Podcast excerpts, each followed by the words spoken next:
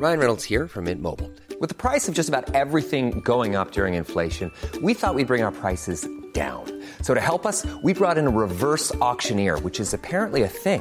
Mint Mobile unlimited premium wireless. Ready to get 30, 30, bit to get 30, bit to get 20, 20, 20, bit to get 20, 20, bit to get 15, 15, 15, 15 just 15 bucks a month. So, Give it a try at mintmobile.com slash switch.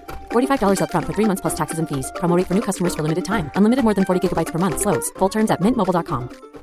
Hey, Dave. Yeah, Randy. Since we founded Bombus, we've always said our socks, underwear, and t shirts are super soft. Any new ideas? Maybe sublimely soft. Or disgustingly cozy? Wait, what? I got it. Bombus. Absurdly comfortable essentials for yourself And for those facing homelessness. because one purchased equals one donated. Wow, did we just write an ad? Yes. Bombas. Big comfort for everyone. Go to bombas.com slash ACAST and use code ACAST for 20% off your first purchase. One size fits all seemed like a good idea for clothes Nice dress. Uh, it's a it's a t-shirt. until you tried it on. Same goes for your healthcare. That's why United Healthcare offers a variety of flexible, budget friendly coverage for medical, vision, dental, and more. So, whether you're between jobs, coming off a parent's plan, or even missed open enrollment, you can find the plan that fits you best. Find out more about United Healthcare coverage at uh1.com. That's uh1.com. Herlighet. Du har med masse ballonger i dag, Ja, det har jeg godt observert, for i dag er det gender reveal. Ja, det gleder jeg meg veldig til. Gender reveal har jo blitt en hit, Det har blitt en hit. og du skal gjøre det her i podkasten. Helt riktig. Ballonger skal poppes, et kjønn skal framvises. Det ble helt feil. Ja. Eh, et kjønn skal avsløres. Det ble også feil. Vi skal fortelle hva slags type baby du har i magen din. Nice.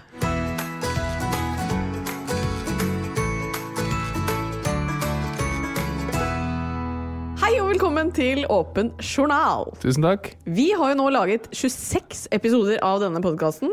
Hvordan syns du det går så langt, Harald? Jo takk, det går ganske bra. Ja. Hva tror du er den største forskjellen på deg i første episode og nå? Jeg har ikke fått noe latter. Det Nei. hadde jeg virkelig håpet. Jeg er fortsatt stresset, men jeg var nok mer stresset før. Ja, Du har ikke elveblest i dag. Det har jeg ikke. Nei. Um, men i dagens podkast så skal vi ta med dere lyttere inn på noe som er eh, litt lukka, føler jeg, for det vanlige publikum. Vi skal ta dere med inn på obduksjonssalen. Og det kan jo høres litt skremmende ut, men obduksjon er faktisk eh, den siste legeundersøkelsen som kan utføres på et menneske. Eh, Men for at folk ikke skal skremmes helt fra å lytte videre, så tenkte jeg at du Harald, kan eh, helt kort fortelle hva er egentlig en obduksjon? Ja, altså Obduksjon det er en legeundersøkelse som skjer etter døden. Hvor man kan se etter sykdom og skade, og hvor man kan stadfeste dødsårsaken til personen. Og Det er en utrolig viktig undersøkelse for både undervisning og forskning og for politiet. Og det blir veldig spennende og ikke noe særlig ekkelt, så det kan trygt anbefales å høre på videre. Ja. Eh, For mange har jo sikkert sett en del krimserier hvor man eh, vurderer lik. eh, Men hvordan vurderer man egentlig dødsflekker, dødsstivhet og skader? Kan man erklæres død og likevel vise seg å være i live? Og hva tror vi er det perfekte mord eh, som er eh, eventuelt er vanskelig å oppdage for en rettsmedisiner? Dette og mye mer får dere i dagens podkast, og dagens gjest er sjølvaste Julie Bergan. Yes. Og da lurte jeg litt på, for vi snakket jo om for et par uker siden om du var villig til å oppkalle ditt barn, eller vårt barn, etter en sponsor. Og da lurte jeg jo litt på hvor mye penger og sportsutstyr moren og faren til Julie har fått for å kalle henne Julie Bergans. Ja, ikke sant?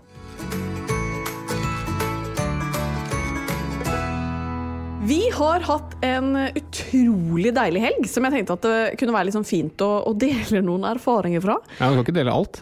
Eh, jo. Oi, Nei, slutt på. blir det sånn grisepod? Nei, det er det ikke. Fordi du og jeg har vært på hytta, og vi har um... Pass deg nå. Vær så snill. Det er familiemedlemmer som hører på denne podkasten. podkasten. Vi har jo eh, tatt for første gang på veldig lenge helt fri på en lørdag. Eh, For både du og jeg er litt sånn at vi jobber eh, litt hele tiden. Eh, og det er litt sånn slitsomt, så vi bestemte at på lørdag så skulle vi ta helt fri fra ikke bare jobb, men også mobil, Mac, nyheter, eh, SoMe. Altså det var ingenting eh, vi skulle være borti. Og hvordan syns du det gikk? Og mm, det var superfint. Ok, du har jo ikke noe latter, men du smiler så lurt. Eh, den første timen så kjeda du deg liksom helt sånn enormt. Du lurte ikke på hva vi skal bruke dagen på. Og så fant jeg det ut. Herregud, dette orker jeg ikke. Du er så rar i dag at jeg skjønner ingenting. Er det det at du gleder deg så mye til å avsløre barnets kjønn, kanskje? Ja. Ja. Ikke sant, så bra. Men kanskje vi bare skal rulle videre da, til uh, the gender reveal. Ja. Ja. Er du klar? Ja, altså det er jo du som har på en måte um, gleda deg veldig til å ha en eh, ekte gender reveal i denne podkasten. Så Ja. nå er jeg veldig spent på hvordan du har tenkt å avsløre det. Da skal vi bare få ballongene inn i studio her. Ok? Alle klare til å poppe? Alle klare? Yay! Fantastisk! For et kjønn! Ja, også en lyd. Har du det? Eh, og til alle som da lurer, så er vår baby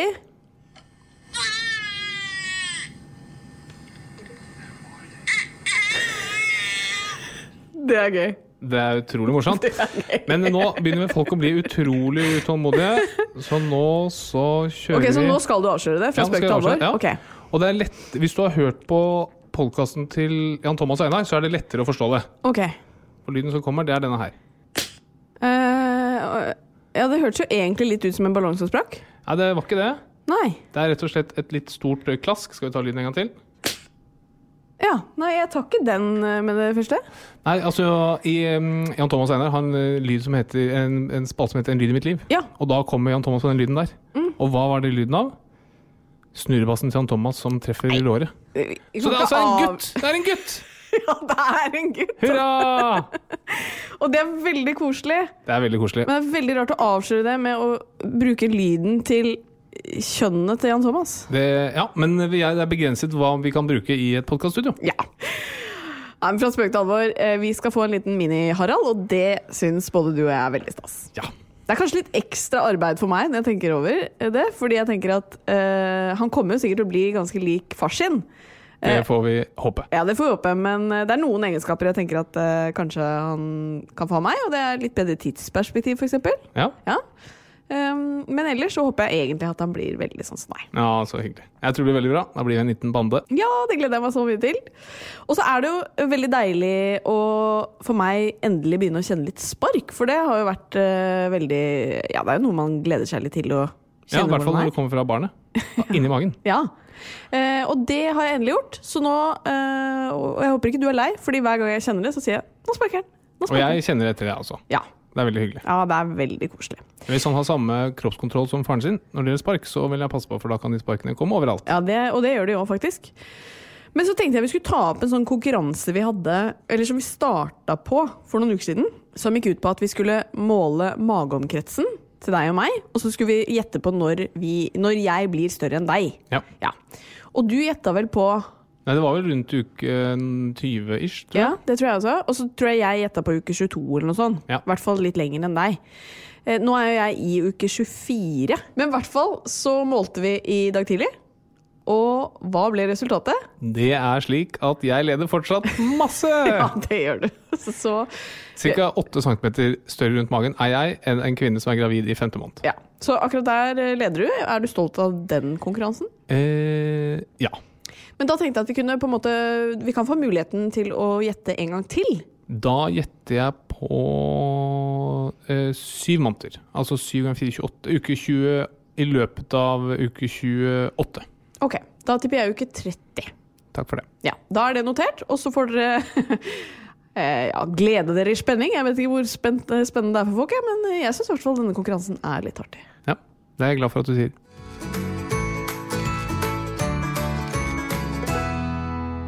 Denne uken har vi med oss en annonsør, og det er en tjeneste som du kjenner godt, Harald, nemlig maja.no. Ja, det er det. For det er faktisk en tjeneste som jeg selv har vært med å lage, og som jeg til daglig jobber med. Ja, nettopp. Og maja.no det er jo et univers for jenter, hvor man kan få resept på p-piller og annen prevensjon. Man kan få resept mot akne og kviser, og så kan man bestille hjemmetest for kjønnssykdommer. Det er helt riktig. Og det vi har tenkt, er at dette er ting som det kan være litt ubehagelig og litt flaut å ta opp med legen sin, så vi har gjort det veldig mye enklere ved å gi dette tilbudet helt digitalt. Så på maja.no så stiller vi akkurat de samme spørsmålene som vi leger stiller når du kommer fysisk til et legekontor, men fordelen med maja.no er at du kan gjøre det rett fra mobilen eller PC-en din. Så slipper du å se legen i øynene. Ja, og alt som gjør livet enklere er jo veldig digg, men helt konkret. Hvis jeg går inn på nettsiden maya.no, hvordan funker det? Da kommer du inn på et skjema, og du spørs om du vil ha resept på p-piller, eller mot kviser, eller hjemmetest for eh, kjønnssykdommer. Men du kommer i hvert fall inn i et skjema hvor du må svare på akkurat de samme spørsmålene som vi leger stiller deg på et legekontor. Og når du har svart på disse spørsmålene, så sendes svarene inn til en av våre veldig flinke leger, som da finner den behandlingen som er best for deg. Så får du en resept som blir sendt til alle apotek, som du kan hente ut når det passer for deg. Og dette er altså like trygt som å gå til legen? Ja, det er jo veldig mye enklere, selvfølgelig, og minst like trygt. Og grunnen til at vi kan si det, er fordi at på maja.no så glemmer vi aldri å stille alle de spørsmålene som man må stille. Og vi passer på at alle som bruker tjenesten, får skriftlig informasjon eh, som er tilpasset til deg selv, samtidig som de får resept på det preparatet som vi mener er best for deg. Og alle som bruker mayo.no får også muligheten til å snakke med en lege på video, helt gratis. Ja, og nå får du også 100 kroner i rabatt ved å skrive inn rabattkoden åpen journal, og det skriver du helt enkelt inn i skjema hvor de spør etter rabattkode. Det er helt riktig. Så på maya.no så prøver vi å gjøre det å være jente litt lettere. Så gå inn på maya.no og se om dette er noe for deg. Og som til sammen 180% leger, så kan jo vi to stå inne for at dette er en tjeneste som både er trygg og god.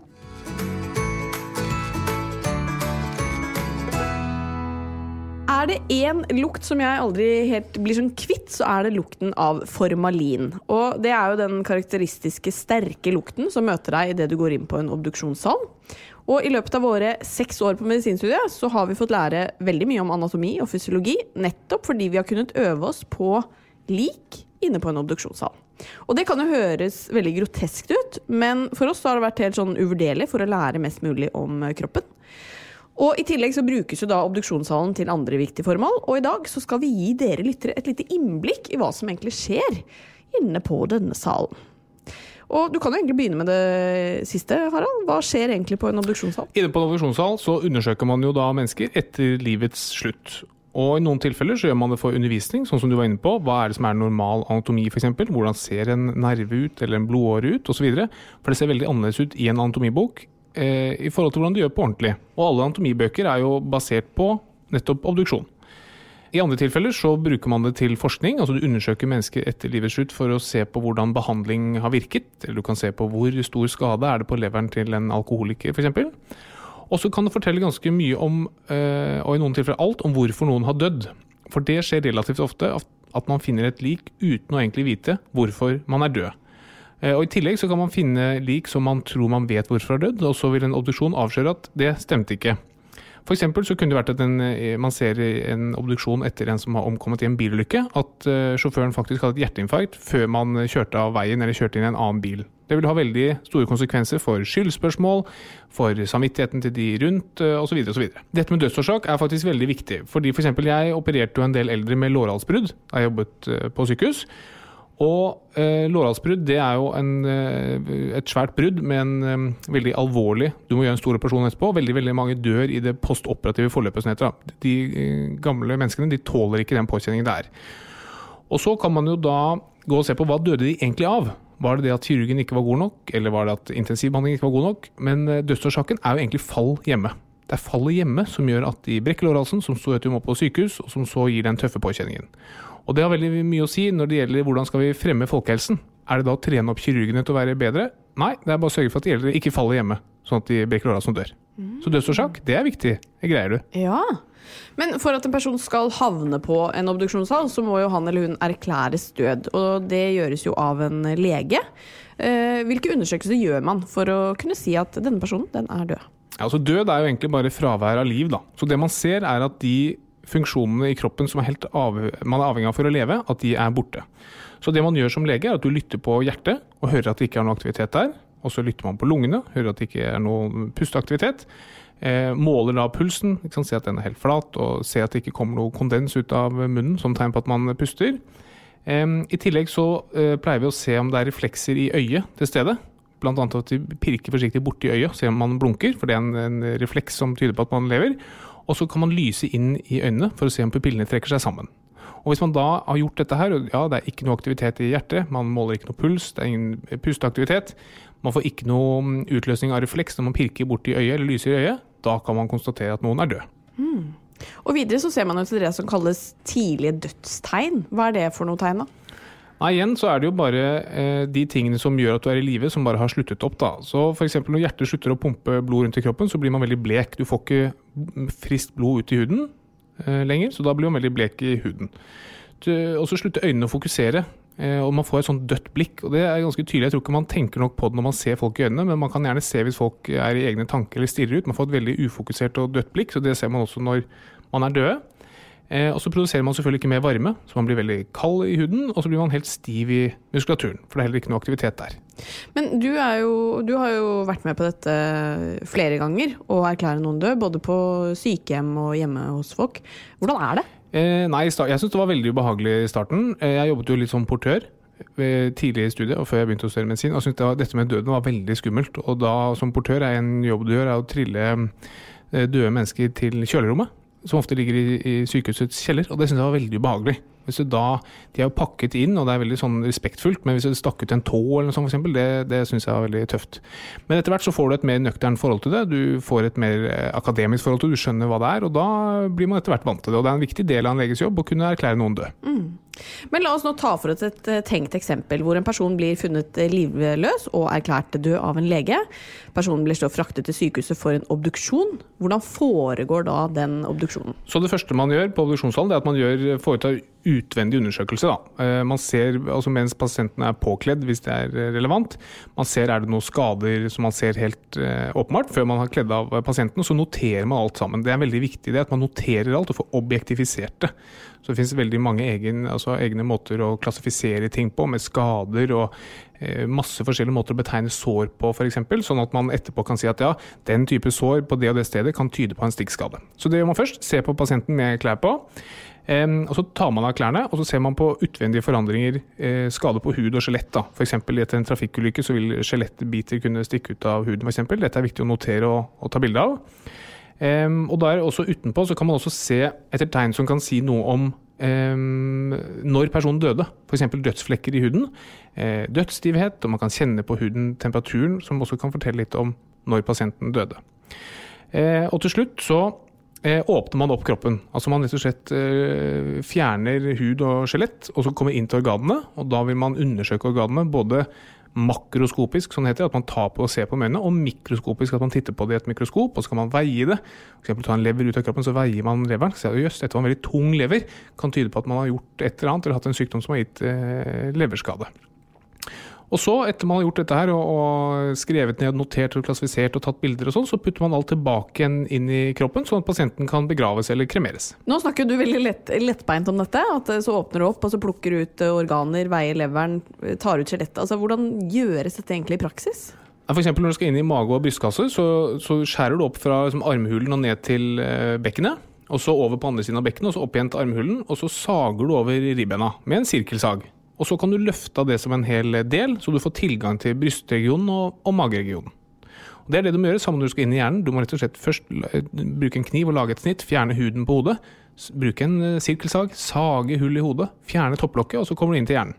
Ja, akkurat det husker jeg du fortalte da du gikk på medisinstudiet, at det var noe av det liksom sjukeste du var med på? Ja. Eh, det som også er, man, man, bruker sånne som heter laboranter, som er eh, folk som er spesialtrente til å gjøre dette, som gjør dette hver dag. Da. Jobben er liksom å åpne opp mennesker for at eh, leger og annet helsepersonell kan komme inn og titte og gjøre undersøkelser. Og det jeg liksom ble litt sjokkert av, er sånn lettheten man gjør det med. Altså Dette er en sånn ja, det, er det man kommer på jobb, tar på seg støvler og dress, og så sager man opp mennesker. Det var liksom noe, Jeg syns da det var noe sånn litt sånn absurd ved det. Mm. Og i hvert fall når man er oppe i hjernen og hodet. Ja, og det husker jeg fra obduksjonssalen hvor vi var også trente på, på avdøde mennesker, at det å se ansiktet til folk, det klarte jeg ikke. Mm. Eh, så da pleide vi liksom å legge et lite klede over ansiktet, da, for blir, du får liksom litt mer avstand til det. Mm. Men jeg har lyst til å høre litt mer om disse dødsflekkene og dødsstivhet og sånn, for det bruker man jo litt til å vurdere ja, dødstidspunkt og hvordan personen har blitt funnet osv. Ja, så um, dødsflekker det er rett og slett at uh, du har mye væske i kroppen, bl.a. blod. og Når hjertet ikke pumper deg rundt i kroppen, så trekker bare den væsken ned på det laveste punktet. altså Den følger tyngdekraften. Så dødsflekker det kan fortelle litt om hvordan eh, den avdøde personen har ligget. da. Så Det kan man bruke for sånn kriminalteknisk. Hvis du ser at, at det ligger en pasient i en sofa for eksempel, på ryggen, men den har også dødsflekker på magen, da vil du si at hm, denne pasienten har faktisk blitt snudd etter den døde. For den har rukket å få litt dødsflekk på magen, så har den blitt snudd. Tyder på at noen har vært i kontakt med avdøde etter at eh, personen døde. Så det er masse sånne ting du kan eh, bruke til, og som gir liksom hint om hva som kan ha skjedd. Og Når det kommer til dødstidspunkt, så er jo det som heter dødsstivhet, det er noe som opptrer etter sånn to til fem timer, og så varer det i to til tre dager. Så hvis du kommer til en pasient som er helt en død, avdød eh, person, som er helt stiv, så vet du at det er mellom to timer og tre dager siden vedkommende døde. Og så finnes det mange sånne knep man kan da bruke for å mer nøyaktig fastslå dødstidspunkt. En veldig viktig ting her, det er temperatur. Fordi vi mennesker vi holder en kjernetemperatur på ca. 37 grader når vi lever. Og når vi dør, så eh, avkjøles vi med sånn ca. en halv grad i timen. Men det avgjøres selvfølgelig av mange ting. Hvor varmt er det ute, hvor mye klær har du på deg? Men dette vet jo disse krimteknikerne. Men det er, en, det er, en, viktig ting å, å, avklare først. Og så en liten historie da, som jeg hørte om en stakkars legevaktslege som var ute og skulle uh, avgjøre om det har skjedd noe kriminelt, og så fastslå dødstidspunkt, og brukte da febertermometeret han hadde, og tok temperaturen på pasienten og sa at det var 35 grader. Mm.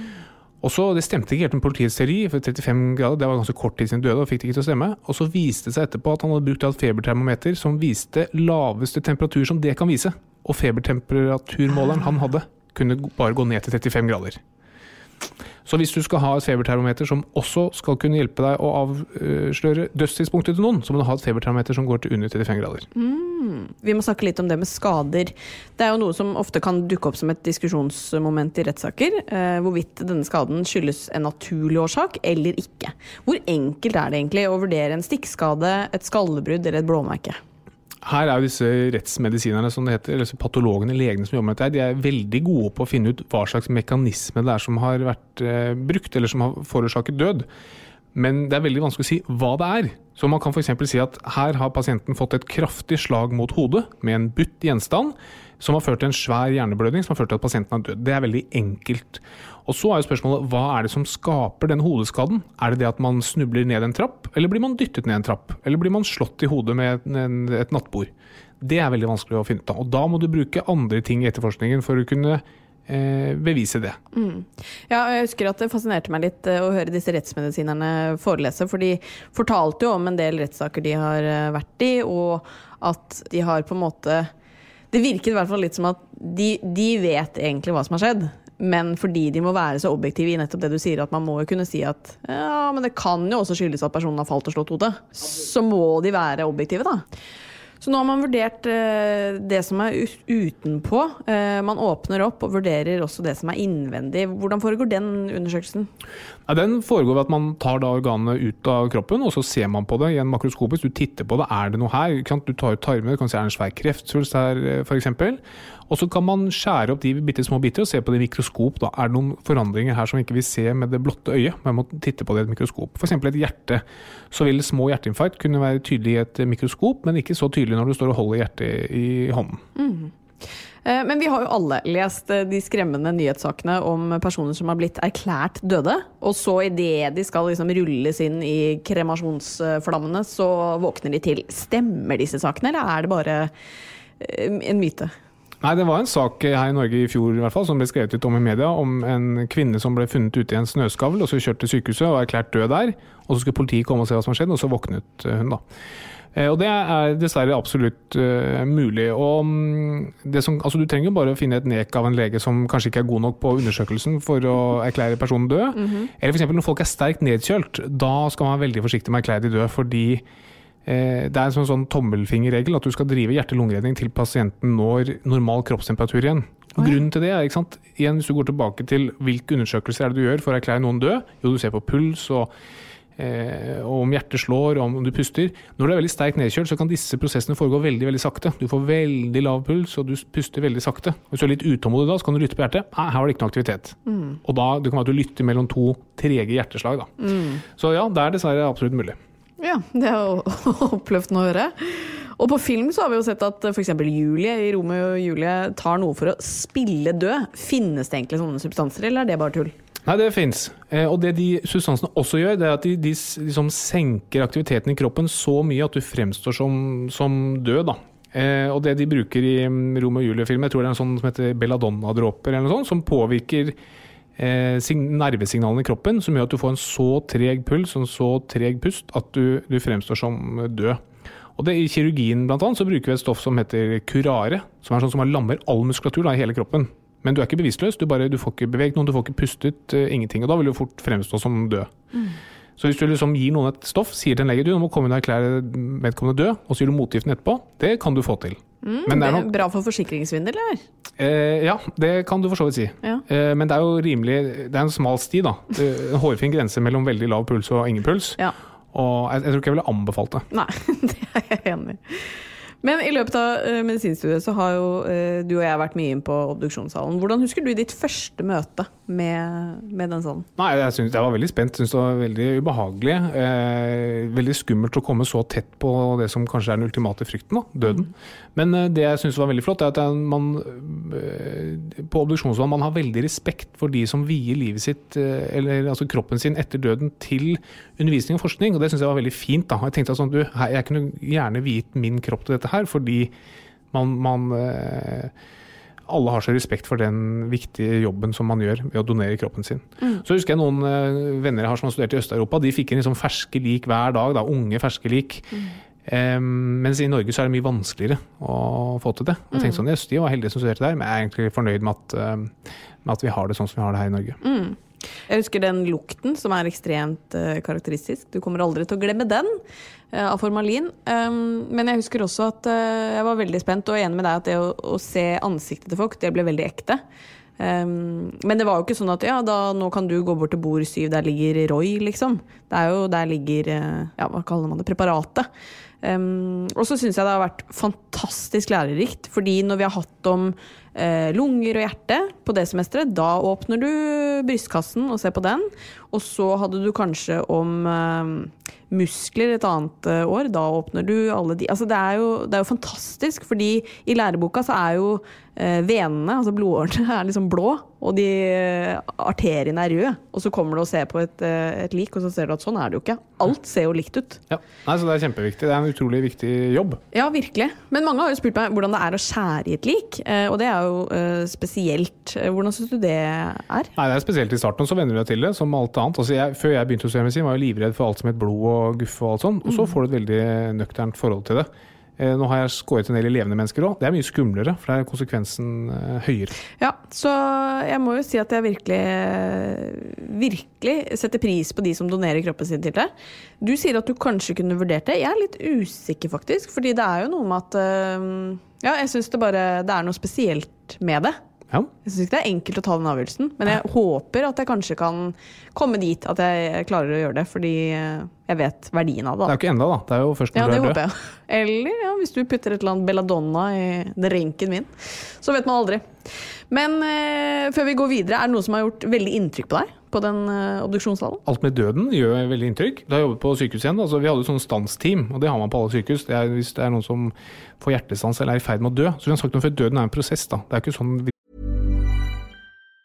Mom deserves the best, and there's no better place to shop for Mother's Day than Whole Foods Market. They're your destination for unbeatable savings, from premium gifts to show-stopping flowers and irresistible desserts. Start by saving 33% with Prime on all body care and candles. Then get a 15-stem bunch of tulips for just $9.99 each with Prime. Round out Mom's menu with festive rosé, irresistible berry chantilly cake, and more special treats. Come celebrate Mother's Day at Whole Foods Market.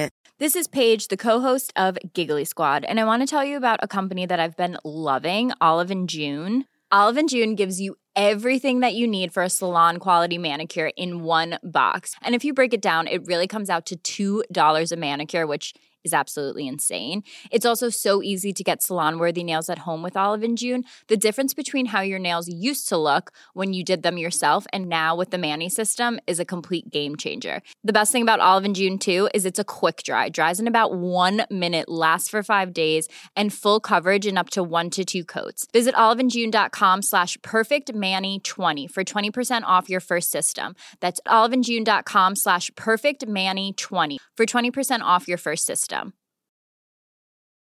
Here's a cool fact a crocodile can't stick out its tongue. Another cool fact you can get short term health insurance for a month or just under a year in some states. United Healthcare short term insurance plans are designed for people who are between jobs, coming off their parents' plan, or turning a side hustle into a full time gig. Underwritten by Golden Rule Insurance Company, they offer flexible, budget friendly coverage with access to a nationwide network of doctors and hospitals. Get more cool facts about United Healthcare short term plans at uh1.com. om en knapp. Det er jo en eh, prosess som skjer mellom å være helt liv, i live og helt død. Um, og hvor liksom uopprettelig det er. Eh, så igjen da når renessansteam-alarmen gikk, da tilkaller man 10 leger og 15 sykepleiere på ett minutt hele døgnet. Eh, og da gjør du, du gir alt. Du gir full gass. De beste medisinene, du gir sjokk. Alle bare står sånn på, kanskje en times tid. Og så går det ikke. Nei, pasienten er død. Ferdig. Da, liksom, da, du, da gir du helt opp, da.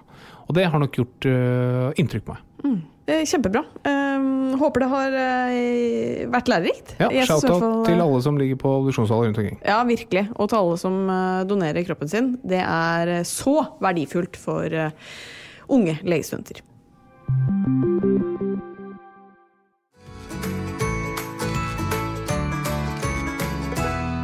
Inn i obduksjonssalen har vi trillet artist Julie Bergan. Velkommen. Takk skal du ha. Vi skal eh, foreta en slags mental obduksjon av deg her. Gleder du deg til det? Eh, jeg er veldig, veldig spent. Jeg har aldri blitt obdusert Nei. før. Det er vi veldig glad for. For det er jo kanskje første gang du er gjest i en legepodkast? Ja, vet du, hva, Jeg har nesten ikke vært med i noen podkaster i det hele tatt. Jeg har vært med i Lørdagsrådet, og det er ikke så mange leger der som regel. Nei, men det er creds til oss, da. Ja, Ja, det er, det er veldig, veldig hyggelig. Førstevalget. Ja, første valget. Men hva slags forhold har du til medisin? Altså, jeg har gått til legen liksom til helsestasjon og sånn. Fordi jeg er veldig mm, nervøs for Alltid for, jeg har vært veldig nervøs for graviditet og kjønnssykdommer. Så det høres altså sånn Og jeg kan eh, Nå begynner jeg rett på det her, men altså, jeg kan gå liksom Hadde liksom gått et par år uten å i, i det hele tatt være med noen. Det jo for, eh, for litt siden, håper jeg å si. Og jeg går jevnlig og sjekker meg for, for kjønnssykdommer og graviditet, selv om jeg ikke har sex. Så jeg liksom, det er på en måte hva skal jeg si, det nærmeste jeg kommer sånn. Men utenom det så har jeg, ikke, har jeg aldri vært syk sånn at jeg må gå på antibiotika eller noe penicillin eller sånn. Men det er veldig bra. da. Det er ikke så mange ting man burde sjekke ofte. Og når Nei. du ikke har sex, trenger du ikke å sjekke det så ofte. Men akkurat å teste deg for kjønnssykdommer, det er ganske lurt. For Ja. det gjør folk for lite. Jeg vet det, men det er det jeg også har tenkt at eh, Jeg tror det er derfor det har vært bra. Da vet i hvert fall Da har jeg midt på det rene. Jeg vet at eh, det er ikke noe galt. Det er ikke noe fare for at jeg skal bli steril. Det er ikke noe fare for at jeg noen gang kunne gitt det til noen andre. Fordi jeg sjekker meg. Så jeg tenkte at det er alltid en positiv ting, og det er ikke noe jeg er flau over. Men jeg trenger kanskje ikke å gjøre det liksom annenhver måned når jeg ikke, Det er riktig. ikke er med noen heller, da. Men jeg er i hvert fall på den sikre siden. Men har du gått, har du gått til helsestasjonen eh, og sjekket deg for graviditet uten å ha hatt sex, altså? Ja, altså det En gang så var det også tre uker på rad. Um, og det var sånn syv måneder siden jeg hadde hatt sex. Og så var de sånn Ja, det er deg igjen, ja. Og så jeg var hei, ja. ja for jeg stolte ikke på graviditetstesten jeg tok hjemme. Og så var jeg sånn Jeg, jeg bare har det på følelsen. Altså, Jeg vet ikke hvorfor jeg er så redd. Um, og så kom jeg, de bare Men har du hatt sex siden sist? Siden Ja. forrige uke? Um, nei, det har jeg ikke. Um, og, så, og så var de sånn Ja, da, da er du ikke gravid, men vi kan ta den testen og Ja, si det til ja. deg igjen. Ja, for jeg sa liksom jeg bare, jeg føler Jeg har hørt om noen. Har dere sett sånne TV-program med folk som ikke vet de er gravide og sånn? Ja, ja. Ja, jeg følte det var sånn ah, gud, kanskje det kommer i ryggen min, eller kanskje det liksom et eller annet sånt her. Og de bare, men du hadde seriøst hatt stor mage nå. Du hadde nesten vært klar for fødsel hvis du hadde vært gravid når det er syv-åtte måneder siden sist. Um, Det er gøy. ja, så det var um, kanskje på grensa til unødvendig. Men altså, venninnene mine visste det også med en gang de hørte meg stå inn på rommet og sånn. Ah, og de bare 'hva er det for noe nå?' Jeg bare 'har litt vondt i leggene', og de bare 'du er ikke gravid'. Det var alt det var liksom et tegn på det. Så nei, ja. Men utenom det, medisin Nei, jeg har faktisk liksom aldri hatt noe medisin, tror jeg. Um, men uh, i disse Jeg prøver å ikke bruke det ordet, men i disse koronatider, er, er du da uh, en type som er veldig redd for å bli syk, f.eks., eller er du ikke så nervøs? Nei, jeg er ikke redd for at jeg skal få det selv. Eh, fordi jeg vet at eh, Altså, jeg har eh, Jeg er ikke i risikogruppen. Eh, jeg tror jeg hadde takla det veldig fint om jeg fikk det. For alt jeg vet, så har jeg kanskje hatt det også. Eh, men det jeg i så fall hadde vært redd for, er jo å, å smitte noen andre. Em, så det er der mer på en måte redselen ligger hos meg, da. Ja, det er fint takke det, og jeg tror det er helt riktig. Det er det man må huske på. Og mm, det er jo ingen yngre enn 40 år som har dødd i Norge av dette her. Nei. Så mm, det er alt tyder på at uh, dette går bra selv om vi får det, men vi har et stort ansvar for å hjelpe andre. Ja, det er der, ja, det, er der det ligger hos alle oss uh, som ikke er i risikogruppen, og yngre som ja, mest sannsynlig hadde tatt det bra. Ja, for du har jo også en jobb som eh, har blitt ganske ramma da, av Mm. det som har skjedd. Du skulle jo sikkert vært og spilt på masse festivaler og konserter nå. Mm. Hvordan er liksom eh, livet for Julie Bergan nå? Altså, sånn jeg vet ikke. Det har faktisk sånn Hva skal jeg si psykisk. Det var mer det jeg var på en måte redd for, for jeg er en person som på en måte Ofte for å ha det bra, så liker jeg å ha fullt program, eh, reise, eh, spille konserter. Altså Alle disse tingene er noe som på en måte gjør at jeg har det bedre psykisk. da Fordi jeg er vant til et høyt tempo eh, og sånne type ting for å, for å ha det bra. Eh, og så er jeg veldig sosial også. Eh, men Em, så det første liksom pappa sa uh, når det her kom og ting begynte å stenge litt ned, var at sånn Julie, nå må du legge deg en plan for hvordan du har lyst til å legge opp dagene dine og på en måte gjøre det beste ut av dette for at ikke du skal bli trist. Eller jeg har aldri på en måte slitt med depresjon eller noen sånne type ting, men likevel så kan man bli på en måte nedfor og lei seg av det. Men um, også bekymra, selvfølgelig, fordi jeg har, jo, jeg har jo ikke noe inntekt nå sånn egentlig. Eh, fordi alt eh, man vanligvis tjener penger på i musikkbransjen, eller det man på en måte livnærer seg på, er jo live. Um, og ja, på en måte eh, eventer for ting som omhandler at man skal være rundt andre mennesker. Em, så, men det har faktisk gått over all forventning. Og det lurer jeg, er kanskje, altså lurer jeg på om er fordi vi er litt i samme båt alle sammen, og det er litt godt å vite at vi liksom selv om det selvfølgelig er dumt at det på en måte går utover alle, så står vi likevel på en måte sammen i det. da. At jeg trenger ikke å nødvendigvis heller se på at alle andre reiser, eller alle andre spiller konserter, eller alle andre kan gjøre alt det som jeg egentlig skulle ønske jeg gjøre, kunne gjøre. Um, det gjør det på en måte litt bedre, for da vet jeg at vi på en måte deler det, da. Og står sammen i det, og da føler man seg ikke like alene eh, oppi alt. Og så er jeg jo liksom, har jeg på en måte bare laget meg en fin struktur i hverdagen. Um, og det er jo fortsatt visse ting jeg kan gjøre, som å skrive låter og jobbe i studio og ha møter og um, ta litt bilder hvis man er på avtale. Altså, på en måte, det er jo forskjellige typer kreative ting eh, man fortsatt kan gjøre. Em, så ja, så får jeg også god tid til å gjøre de tingene som jeg kanskje kunne eh, stresse veldig mye med før, da, som, som å vaske leiligheten og sånne type ting. Altså, jeg har jo gått til life coach og, og psykolog og alt mulig, og bare vært sånn jeg bare, jeg vet ikke hva jeg skal gjøre akkurat nå, fordi kalenderen min er så full, og jeg skjønner ikke når jeg skal vaske leiligheten. Um, det er en ting som, som jeg kan gå og stresse mye over, da, for jeg, hvis jeg vet at det er rotete hjemme, og sånn, og jeg på en måte har en ustrukturert, eller liksom en hverdag som er veldig uforutsigbar, da, og hvor det er mye reising og rundt folk, og bla, bla, bla, så liker jeg i hvert fall å tenke at ok, men det er i hvert fall orden hjemme. Eh, hvis ikke det er orden ellers, liksom. Mm. Um, så, Men det, akkurat det er jeg også veldig. Ja, du er jo Det er ekstrem mye å sånn. gjøre, så er jeg helt avhengig av at jeg rydder hjemme. Men det husker jeg også, Vi møtte jo deg for noen uker siden da du spilte på Senkveld. Mhm. Og da var du jo litt sånn i artistmodus. Ja, for det var uken det skjedde, på en måte. ja, det var dagen etter det at det liksom bare Mm. Og da fikk jeg liksom inntrykk av deg som, eh, som eh, hva skal jeg si, eh, artisten, som artisten Julie. da, og Som jeg får liksom litt inntrykk nå som du forteller om hvordan du er hjemme. og eh, Du virker som du, du eh, krever jo ekstremt mye av deg selv. Altså du er, jo, du er jo veldig sånn pliktoppfyllende og stiller opp og gir full gass hele tiden. Mm. Og er du liksom snill nok med deg selv, føler du?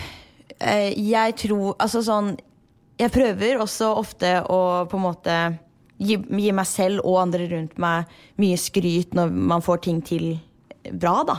Eh, og når ting eh, Når jeg blir fornøyd, på en måte, så er jeg sånn Shit, eh, nå er jeg faktisk skikkelig fornøyd med meg selv, og er veldig stolt, da. Jeg kjenner på en, liksom, en god stolthet, men jeg tror nok ikke liksom Jeg er ganske streng med meg selv også. At jeg kan bli ganske liksom sur på meg selv eller lei meg hvis eh, ting ikke går sånn som jeg ønsker.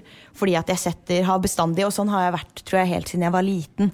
Altså sånn Når det gjaldt eh, karakterer på skolen eller danseforestillinger eller meg som en venn, bare generelt meg som menneske, så setter jeg på en måte høye krav til meg selv hele veien. Men det tror jeg liksom er noe som man øver mye på og lærer seg på å bli bedre på etter hvert. Og, og på en måte godta at man, man kan ikke bestandig eh, være best, på en måte. Eller liksom, altså man kan ikke være overalt hele tiden. Man, man, det er viktig å på en måte gjøre så godt man kan, selvfølgelig, men eh, man må også på en måte passe på at man ikke bare alltid skal for eksempel, tilfredsstille alle andre rundt seg eh, og gjøre de fornøyde og, og sånn der, hvis, hvis, det går utover deg selv til slutt. da. Mm.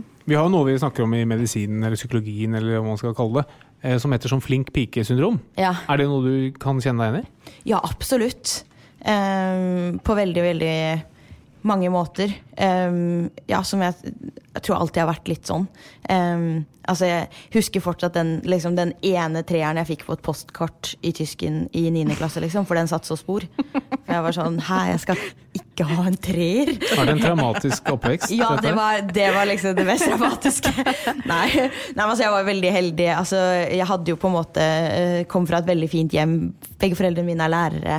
Um, hadde liksom trygt masse kjærlighet. Uh, lærte å jobbe for tingene som jeg ønska. Men det var aldri sånn at de trengte å stå over meg og si sånn Nå må du huske å gjøre leksene dine, eller nå må du konsentrere deg på dansetimen, eller nå må du Men eh, noen artister, f.eks. jeg husker den Staying Alive-låta, de fikk jo litt penger for å bytte til Stena Line, tipper jeg, en Stena Line-reklame. Du har jo f.eks. Um, låten din 'Arigato', motherfucker. Mm. Har du lekt med tanken på å dytte inn f.eks. japanske motorsykler eller bilmerker der for å få penger? Det kunne vært Kawasaki, motherfucker. Ja, altså um man, man, driver jo med branding, eller liksom sånn type at man mm.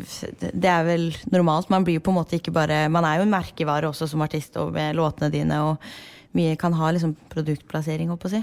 Ja, på en ja, måte ja. med låtene sine, da. Um, men um, Nei, jeg har ikke tenkt på det akkurat der. Og så tenker jeg også, eller hvis jeg på en måte Noe som er litt skummelt med akkurat den låta Jeg piper jo når jeg sier fucker. Mm. Men um, det er jo veldig i, generelt i Asia, spesielt Kina, er jo ekstreme på Jeg kunne jo aldri sunget den på en måte sangen der, nesten. Men kunne altså, du sunget Kawasaki Motorcycles? ja, det kunne jeg gjort. Det, det har jeg ikke tenkt på. Jeg har ikke visst at Kawasaki ja. ja. Kunne jeg sko også? ja, Husker du ikke folk hadde Kawasaki-sko? Men det var eh, gode eh, forslag. Ja, eh, kan jeg begynne å tenke på Nå er den sangen litt gammel, men jeg skal tenke på det sånn med kommende låter og sånn type ting. Kanskje jeg kan gi det litt titler, sånn kalle en låt Audi eller et eller annet sånt. For at jeg bare kan Det er nye inntektsmetoder her, altså. Ja, mm, smart. Men jeg synes, du virker jo veldig reflektert, og du sier at du har gått til eh, life coach og psykolog og sånn. Hva er liksom de viktigste rådene du har fått, føler du? Um, for min del så er det jo litt um, Jeg vet ikke, jeg syns det er litt vanskelig å kanskje jeg skulle på en måte dra fram um, de beste rådene. For, for, min del så Jeg går jo også til uh, psykolog og har gått til life coach tidligere og sånne type ting for å eller det som, som, jeg kanskje har lyst til å bare si til folk rundt, da, det er sikkert flere som også sier, men at man trenger ikke å på en måte um, Eh, være, altså, du har ikke angst selv om du er engstelig nødvendigvis. Du er ikke deprimert selv om du er lei deg. Eller eh, altså, selv om du kan få et panikkanfall, så betyr det ikke at du har panikkangst, mm. eksempel. Det er sånne type ting som kan komme av liksom, stress, og det er helt normalt å være engstelig og lei seg og, og sånn innimellom. Men at eh, det er ikke noe farlig å, å, på en måte oppsøke eh, hjelp eller få, få noen å på en måte dele ting du går igjennom med Eh, man trenger ikke på en måte være så innmari langt nede eller være syk mm. for å gjøre det. Eh, for min del så har det på en måte vært eh, kanskje mange ting som jeg kan gå gjennom, eller som kan gå på en måte hardere inn på meg enn jeg kanskje egentlig har forstått selv. Fordi jeg alltid er sånn som tenker at nei, men jeg har det jo så bra, jeg har så mye å være glad over, jeg har så mye eh, mange gode folk rundt meg, jeg har så godt liv. Altså Da på en måte gir jeg ikke på en måte meg selv lov nesten til å kunne være lei seg eller kunne være um, misfornøyd med ting eller hva som helst. da. Men det å bare kunne uh, få utløp for de tingene og, og, rett og slett få litt hjelp til hvordan man skal angripe visse situasjoner eller angripe følelser inni seg selv, da. Um, det skal på en måte veldig, veldig lite til før jeg får dårlig samvittighet, da. Um, og det har på en måte slått inn på altså mange steder også at det, tidligere. Altså, det er vanskelig for å si nei til f.eks. Eh, hvis jeg allerede vet eh, med jobb da, at nå er det mye, og det er mange, mye press og mange ting jeg egentlig um, Altså jeg har mye i utgangspunktet, og så får jeg en forespørsel til, og så klarer jeg ikke å si nei, fordi jeg tenker liksom, får jeg dårlig samvittighet, så tenker jeg at å nei, nå tenker de kanskje at jeg er lat. Mm. Um, Ja, jeg skjønner det. og sånn type ting. Og så hadde jeg også en periode hvor jeg liksom ble, For noen år siden hvor jeg ble liksom veldig opphengt i hva jeg spiste, kanskje. Mm. Um, fordi at eh, jeg hadde ikke så mye jobb, og så følte jeg at det var noe jeg måtte ha kontroll over. Og da kunne jeg få dårlig samvittighet for sånne type ting hvis jeg liksom skeia ut. Mm. Eller ja, dårlig samvittighet hvis jeg ikke Ja, for eksempel for venner. At man ikke ble med på ting.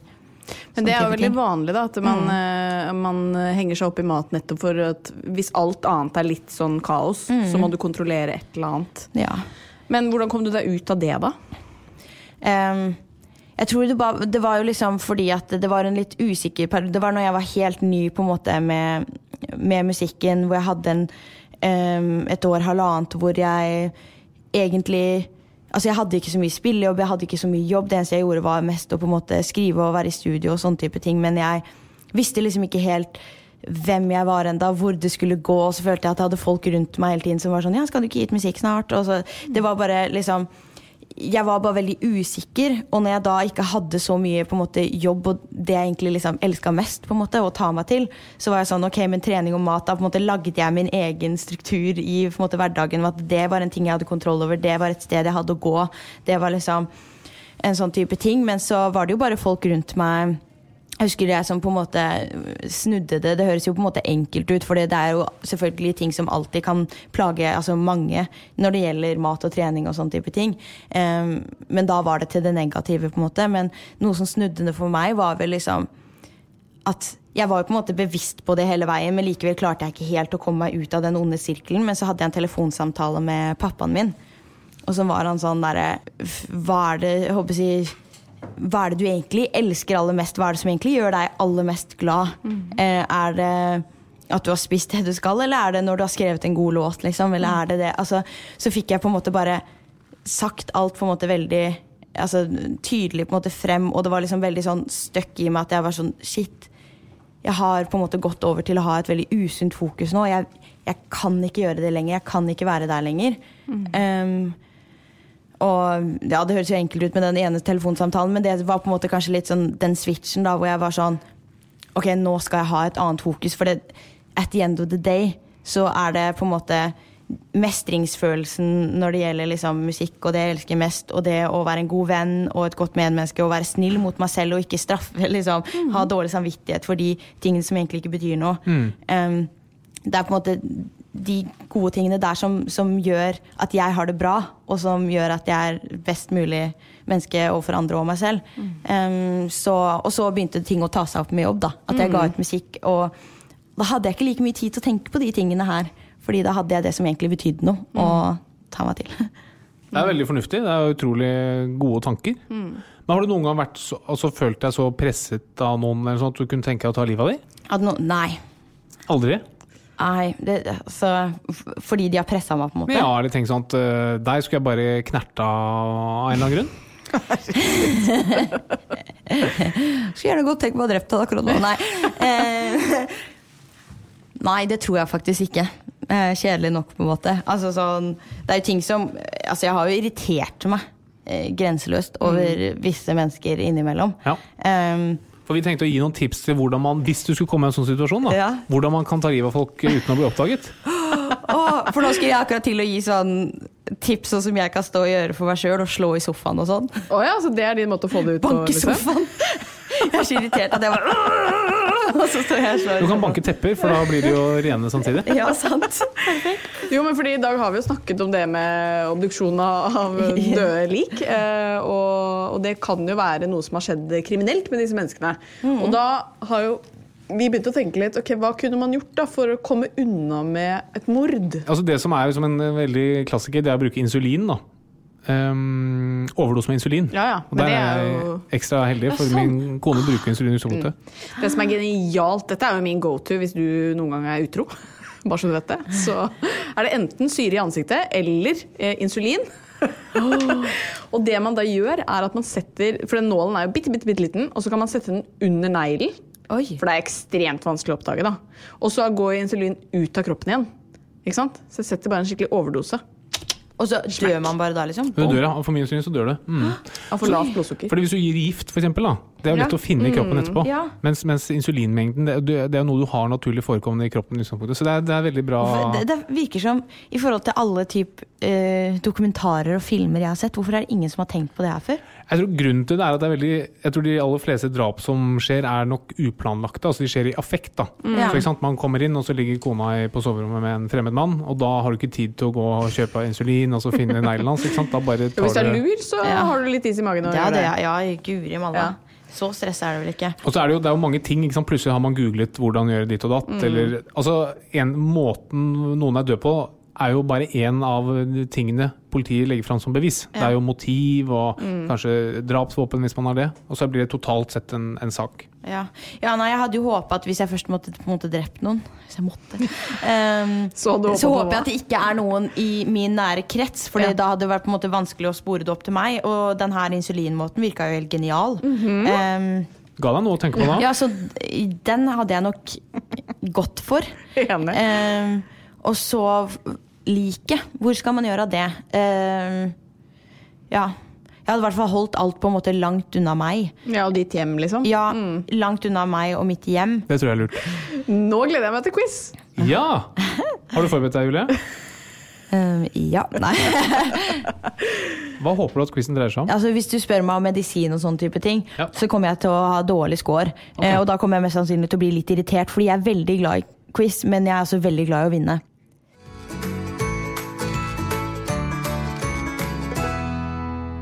Da er det duket for quiz. Vi starter enkelt, og starter med deg, Julie. Hvor mange personer dør i Norge hver dag? 1750. Ok.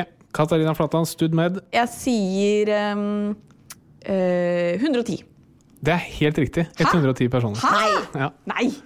Altså, Og er jeg sånn, sier så mange, da, men jeg tenkte jo bare sånn Det er jo mange som sovner inn, og Ja. Ja, mange som er liksom syke. Jo, men jeg er og- enig. Ja. Veldig bra. Traff jeg Ja, så det var bra. Det var godt at det var færre, da. Ja. For så vidt. Et poeng til Katarina. Neste spørsmål.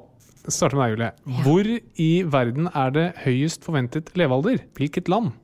Altså, jeg tror jo det er ganske høyt her i Norge og Skandinavia, da. Um, fordi vi har såpass god levestandard. Men så vet jeg også at f.eks.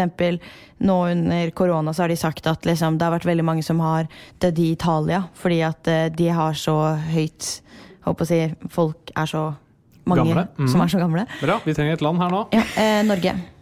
Oh, jeg står mellom Japan og Island. Jeg sier Japan. Japan er helt riktig. Nei, Det er utrolig bra. Nå må vi få inn noe musikk eller noe, så Ja. det her Men nå kommer det et Jeg som du kan svare på, Julie. Så Japan er det stedet med høyest levealder i verden. Og det er jo sagt at optimister lever lengst. Mm. Så tror du at levealderen i Japan ville vært kortere hvis landet het Neipan? Ja. Hva sier du, Katarina? Jeg får si nei, jeg, da.